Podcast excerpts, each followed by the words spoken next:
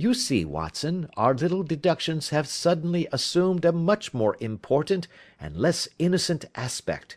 Here is the stone. The stone came from the goose, and the goose came from Mr. Henry Baker, the gentleman with the bad hat, and all the other characteristics with which I have bored you. So now we must set ourselves very seriously to finding this gentleman, and ascertaining what part he has played in this little mystery. To do this, we must try the simplest means first, and these lie undoubtedly in an advertisement in all the evening papers. If this fail, I shall have recourse to other methods." "What will you say?" "Give me a pencil and that slip of paper. Now then, found at the corner of Goodge Street, a goose and a black felt hat. Mr. Henry Baker can have the same by applying at 6.30 this evening at 221B, Baker Street. That is clear and concise." "Very. But will he see it?" "Well, he is sure to keep an eye on the papers, since, to a poor man, the loss was a heavy one. He was clearly so scared by his mischance in breaking the window, and by the approach of Peterson, that he thought of nothing but flight but since then he must have bitterly regretted the impulse which caused him to drop his bird. Then again, the introduction of his name will cause him to see it, for everyone who knows him will direct his attention to it. Here you are, Peterson. Run down to the advertising agency and have this put in the evening papers." "In which, sir?" "Oh, in the Globe, Star, Pall Mall, St. James's. Evening News, Standard, Echo, and any others that occur to you." "Very well, sir. And this stone?" "Ah, yes. I shall keep the stone. Thank you. And I say, Peterson, just buy a goose on your way back and leave it here with me, for we must have one to give to this gentleman in place of the one which your family is now devouring." When the commissionaire had gone. Holmes took up the stone and held it against the light. "It's a bonny thing," said he. "Just see how it glints and sparkles. Of course it is the nucleus and focus of crime. Every good stone is. They are the devil's pet baits. In the larger and older jewels every facet may stand for a bloody deed. This stone is not yet twenty years old. It was found in the banks of the Amoy river in southern China, and is remarkable in having every characteristic of the carbuncle, save that it is blue in shade instead of ruby red. In spite of its youth, it has already a sinister history. There have been two murders, a vitriol throwing, a suicide, and several robberies brought about for the sake of this forty grain weight of crystallised charcoal. Who would think that so pretty a toy would be a purveyor to the gallows and the prison? I'll lock it up in my strong box now and drop a line to the Countess to say that we have it." "Do you think that this man Horner is innocent?" "I cannot tell." "Well, then, do you imagine that this other one, Henry Baker, had anything to do with the matter?" "It is, I think much more likely that Henry Baker is an absolutely innocent man, who had no idea that the bird which he was carrying was of considerably more value than if it were made of solid gold. That, however, I shall determine by a very simple test, if we have an answer to our advertisement." "And you can do nothing until then?" "Nothing." "In that case I shall continue my professional round but I shall come back in the evening at the hour you have mentioned, for I should like to see the solution of so tangled a business." "Very glad to see you. I dine at seven. There is a woodcock, I believe. By the way, in view of recent occurrences, perhaps I ought to ask Mrs. Hudson to examine its crop." I had been delayed at a case, and it was a little after half past six when I found myself in Baker Street once more. As I approached the house I saw a tall man in a Scotch bonnet, with a coat which was buttoned up to its chin waiting outside in the bright semicircle which was thrown from the fanlight. Just as I arrived the door was opened, and we were shown up together to Holmes's room. "Mr. Henry Baker, I believe," said he, rising from his armchair and greeting his visitor with the easy air of geniality which he could so readily assume. "Pray take this chair by the fire, Mr. Baker. It is a cold night, and I observe that your circulation is more adapted for summer than for winter. Ah, Watson, you have just come at the right time. Is that your hat, Mr. Baker?" "Yes, sir, that is undoubtedly my hat."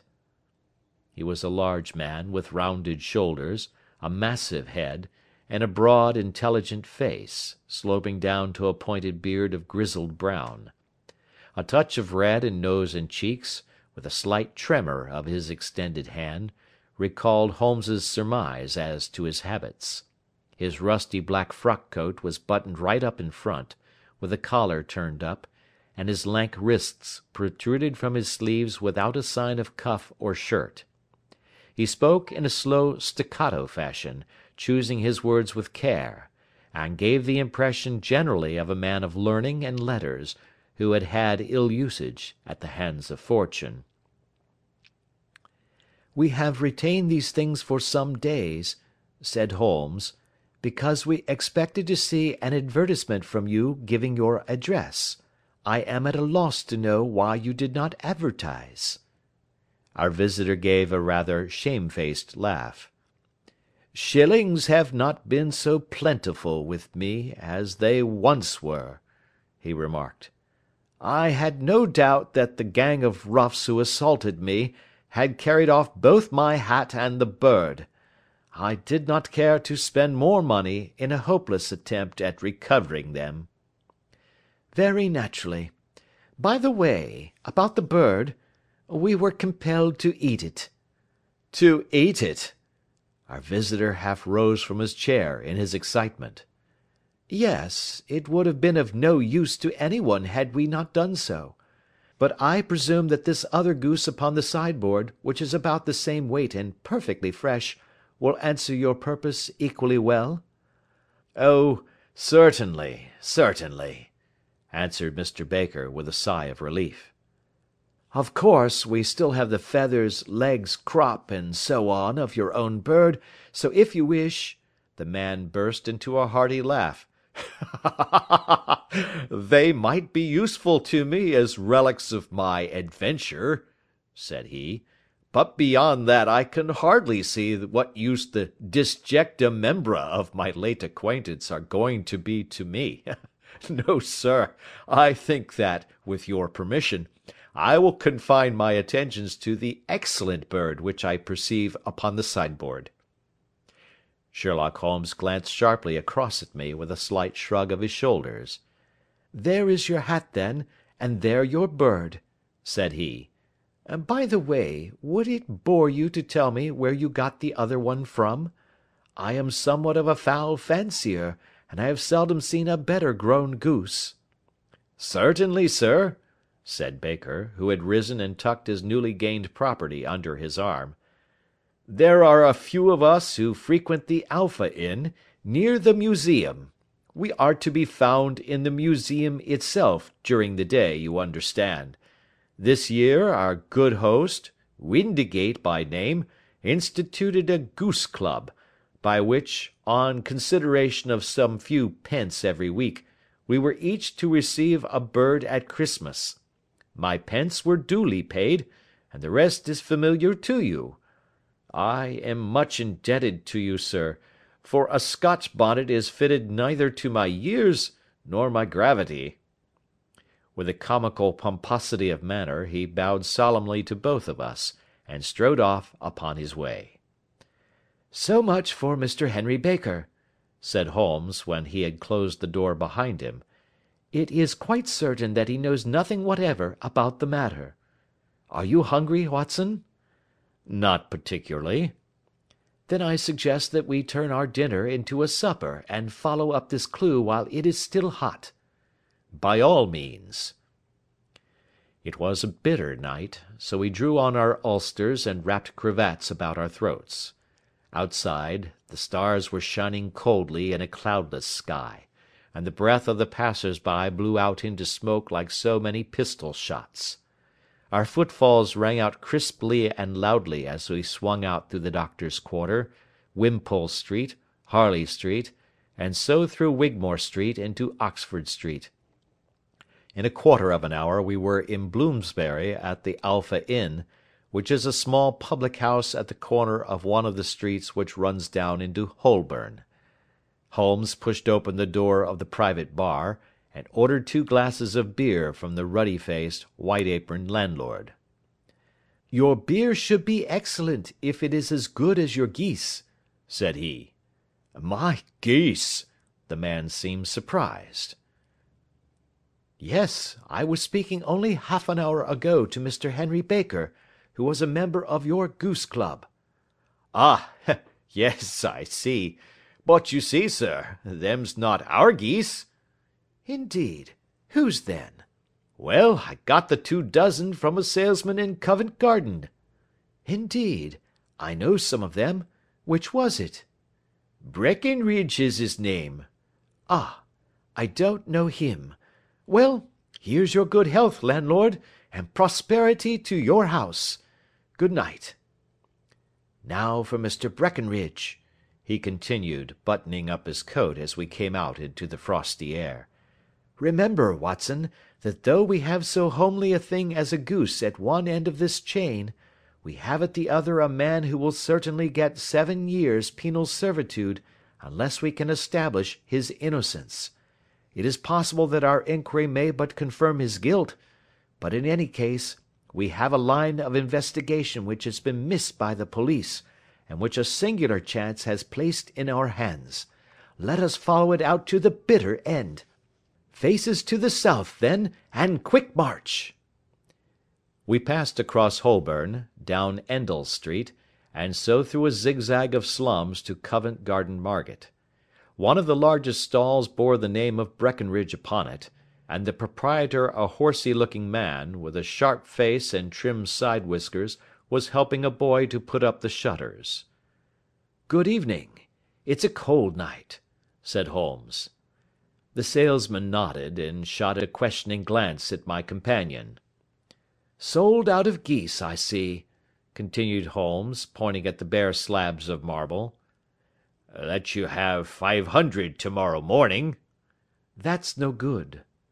"Well, there are some on the stall with the gas flare." "Ah! But I was recommended to you." "Who by?" "The landlord of the Alpha." "Oh, yes. I sent him a couple of dozen." "Fine birds they were, too. Now where did you get them from?" To my surprise the question provoked a burst of anger from the salesman.